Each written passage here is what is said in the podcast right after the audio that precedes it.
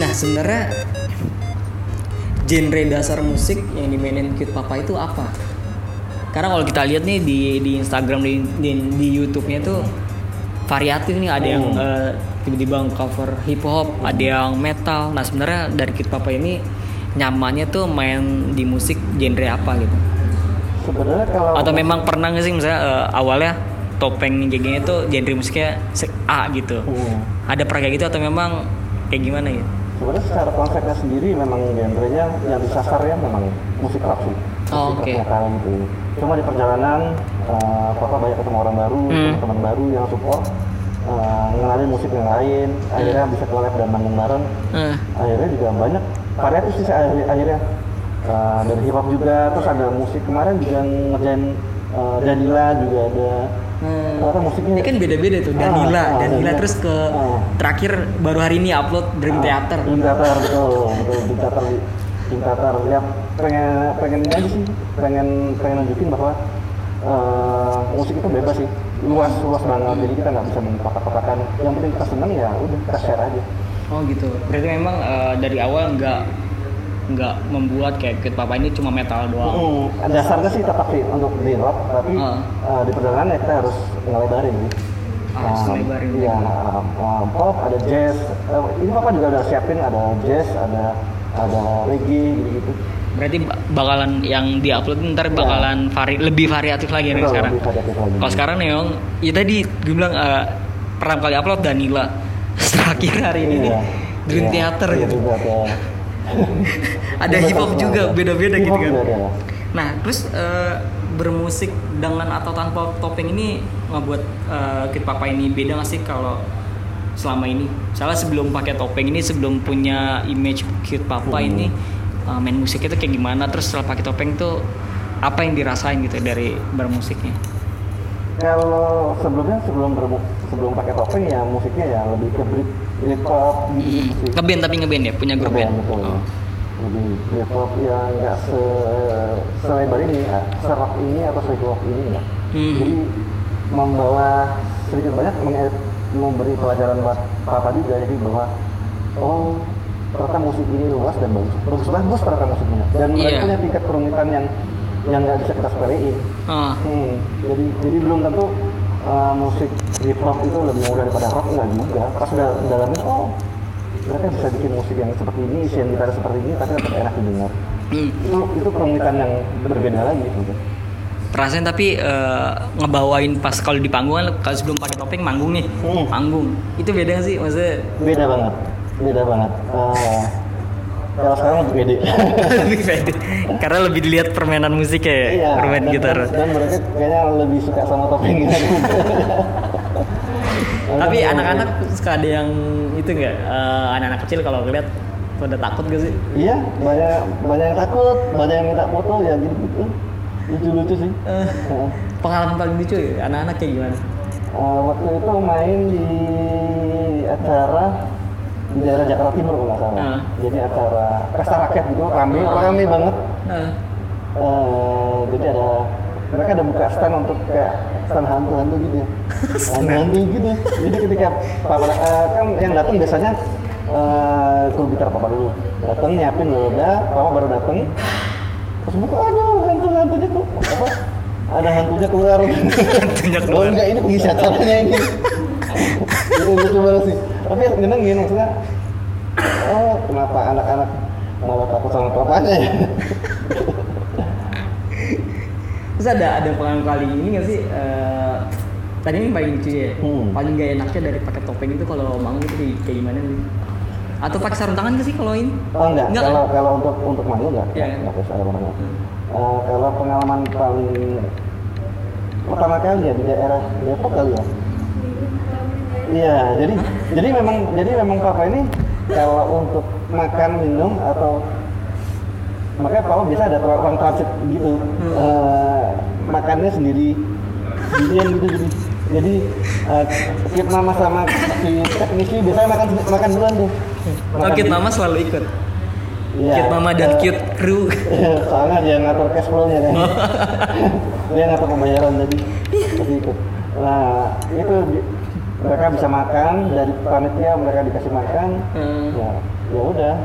Papa ya terpaksa cari WC, toilet sendiri. Waktu itu tuh di Depok nggak salah ya. Hmm. Ah. Itu pertama kali tuh. Ah, pertama kali, pertama kali ah, show show-nya, Oh, show-nya pertama kali, show pertama kali Biasanya sebagai Kid Papa gitu. Ah, kan biasanya online ya, Iya. online di Instagram, di YouTube. Hmm. Nah sekarang pertama kali manggungnya panas, gerah, cuma ada kipas kipas gitu udah mau pingsan gitu. Akhirnya ke toilet, ditemenin sama kru. Akhirnya minum di toilet. udah itu udah keluar keluar lagi, di lagi. Dehidrasi sih. Terus eh, dari semua pengalaman itu eh, manggung sana sini itu Hmm. apa yang ngebuat Kid Papa itu eh, merasa istimewa kalau ada di panggung gitu? Yang ngebedain Kid Papa dengan eh, mungkin yang solois lain gitu Hmm. itu apa gitu? Kalau kalau di panggung Kid Papa merasa merasa istimewa tuh apa gitu? Sebenarnya Yang membuat Kid Papa istimewa gitu? kalau yang bisa papa itu kan sangat subjektif ya Hmm. Ah, sangat subjektif Ya, jadi kalau menurut papa sendiri sih mungkin karena ah, penampilan dari awal dari turun dari kendaraan aja udah ah, Iya, pasti. ah, ah, terus terus biasanya papa kalau lagu pertama bisa ada pakai kacamata yang ah, jadi gambarnya tengkorak gitu Iya iya iya. lagu pertama kemarin kemarin nyoba sih di di PSL ternyata bagus juga gitu dan memang itu mungkin yang jadi akhirnya eh, teman-teman eh, suka akhirnya karena kan oh ini unik banget nih Iya. topeng pakai pakai topeng Hmm. eh, terus bisa eh, groomingnya bener gitu harus Hmm. oh, berkonsep oh, jadi, jadi istilahnya jadi lebih pede banget lah ya untuk bisa ada di atas panggung. Heeh. Tapi lebih lebih sering eh, solo gitar atau lebih sering lagi sama band-band itu nggak sih collabnya? Kalau ini sih eh, sampai bulan September sih yang banyak yang masuk Hmm. untuk untuk barengan sama band-band sih. Oh gitu. Heeh. Ini nanti bulan Juni Ju- Juni Juli sama tahun 17 juga dia launching album Hmm. di sebuah hutan gitu. Hmm. Ya sama timnya dia lagi. Apa ada DJ ya ramean sih sekarang akhirnya. Akhirnya lebih rame. Mm-mm. Oke. Tapi kalau di backstage tetap pakai eh, topeng sebagai kit apa itu ya? Eh, di backstage enggak sih kalau maksudnya kalau udah sama tim-tim itu biasanya buka sih. Oh, udah membaur lah ya. Oh, enggak bisa pingsan. iya. Sulit gak sih kayak main gitar di atas panggung pakai topeng kayak gitu?